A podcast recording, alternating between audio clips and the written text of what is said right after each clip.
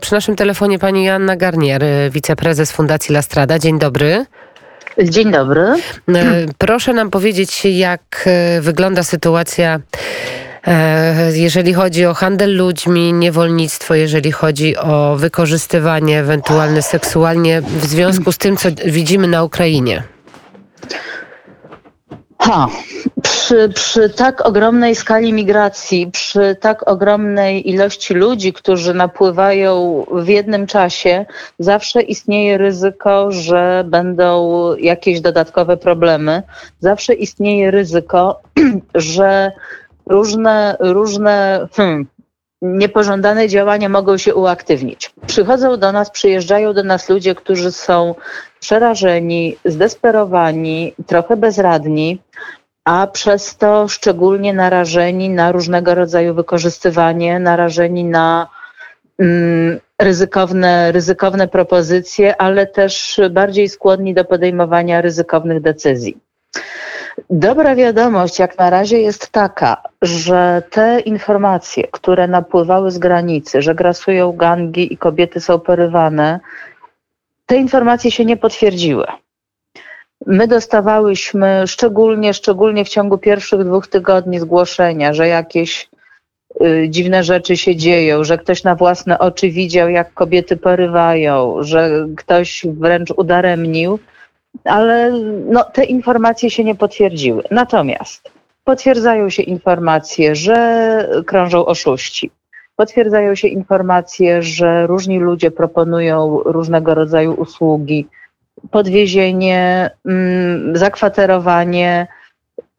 Wpierw deklarują, że za darmo, potem jednak, że za pieniądze, a jeżeli tych pieniędzy nie ma, no to a to może posprzątaj, a to może odpracuj, a to może seks, więc, więc takie rzeczy się pojawiają. Mm, mamy też informacje o tym, że kobiety, no bo uchodźczyniami, głównie przyjeżdżają do nas kobiety uchodźczynie, że panie dostają różnego rodzaju oferty wyjazdów, czy też oferty pracy, przy czym gołym okiem tutaj już widać, że na przykład jest to praca na czarno. I to też jest pole do nadużyć, ponieważ jeżeli podejmujemy pracę na czarno, to już tylko krok do tego, żebyśmy stali się ofiarą pracy przymusowej lub handlu ludźmi, żeby nas wykorzystano, żeby nas zmuszono do, do wykonywania rzeczy, których wykonywać nie chcemy. Mamy Także...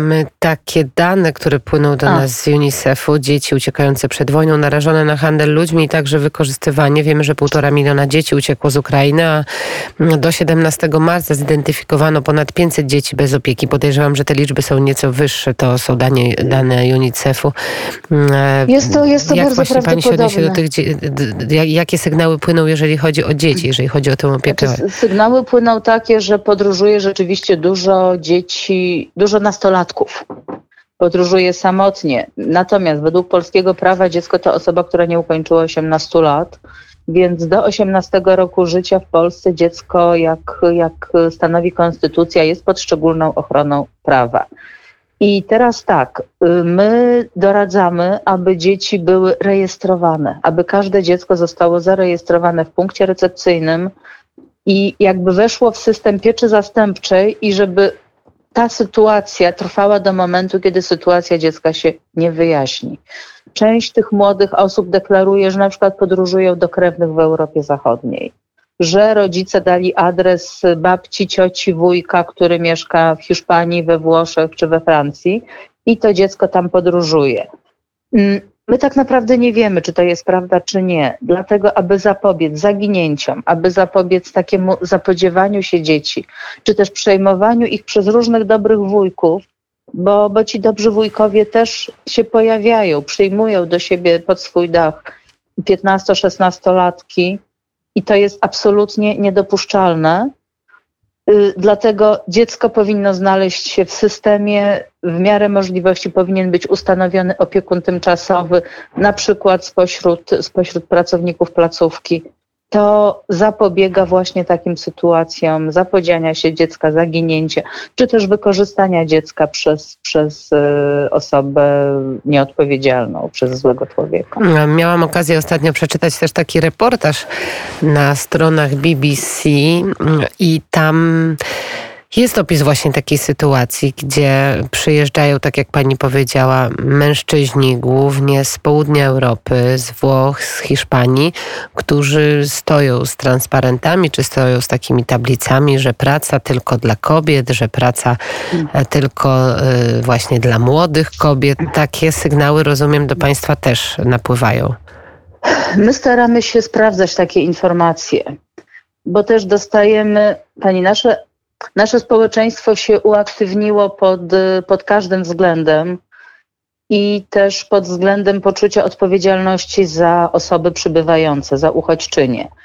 I jeżeli dostajemy informację, że ktoś na przykład oferuje pracę kobietom e, w Niemczech, że jest to na przykład firma, ale osoba nie chce podać jej nazwy. My to wyjaśniamy, mamy różne możliwości, możemy to, możemy korzystać po prostu, czy korzystamy ze źródeł ogólnodostępnych. No i jakie też... są wnioski, jakie płyną I właśnie sygnały? Szczerze, mhm. jakby każda sytuacja da się wyjaśnić. Każda sytuacja da się wyjaśnić. Tak jak powiedziałam, no, mm, nie mamy potwierdzonych informacji o tych porwaniach. My przede wszystkim staramy się ludzi nie straszyć, bo te kobiety i tak są przerażone. Te kobiety i tak zostały zmuszone do ucieczki z jedną walizką i naprawdę nie ma potrzeby, aby im jeszcze dokładać. Mm, nasze przesłanie jest czytelne. Nasze przesłanie zawiera pięć punktów, jak się chronić pięć prostych zasad bezpieczeństwa. Bez straszenia handlem ludźmi, bez straszenia wyzyskiem. Nasz telefon działa całodobowo. Można do nas zadzwonić w każdej chwili, zasięgnąć rady, zasięgnąć informacji. I tak jak mówię, my apelujemy o informacje o wszystkich podejrzanych sytuacjach. Dostajemy, aby sprawdzić. I też tak jak powiedziałam, na razie poza kilkoma przypadkami właśnie takiego przejęcia dzieci przez osoby nieodpowiedzialne. Na razie wyjaśniamy różne rzeczy i doradzamy kobietom, żeby po prostu, jeżeli oferta źle wygląda, żeby z niej nie korzystały. My zdajemy sobie sprawę też z tego, że kobiety mogą podejmować ryzykowne decyzje. Niestety, to jest wojna. To jest sytuacja ogromnego, gigantycznego kryzysu i osoby mogą w desperacji podejmować e, ryzykowne Czasami decyzje. tak, ryzykowne i niezrozumiałe decyzje, ale cieszę się, że taki przekaz e, przynajmniej płynie od pani prezes, że taki przekaz płynie z e, granicy. Joanna Garnier, wiceprezes Fundacji La Strada, która zajmuje się problemami handlu ludźmi. Bardzo dziękuję i oby jak najmniej takich zgłoszeń niepokojących było. Ja również dziękuję i apeluję, żeby do nas dzwonić i przekazywać wszystkie podejrzane To jeszcze numer numer telefonu? 22 kierunkowy 628 99 99. No to jest ten numer, gdzie można zgłaszać niepokojące sytuacje. Fundacja Mówił... La Strada. Tak, dziękuję bardzo Janna Garnier. Dziękuję.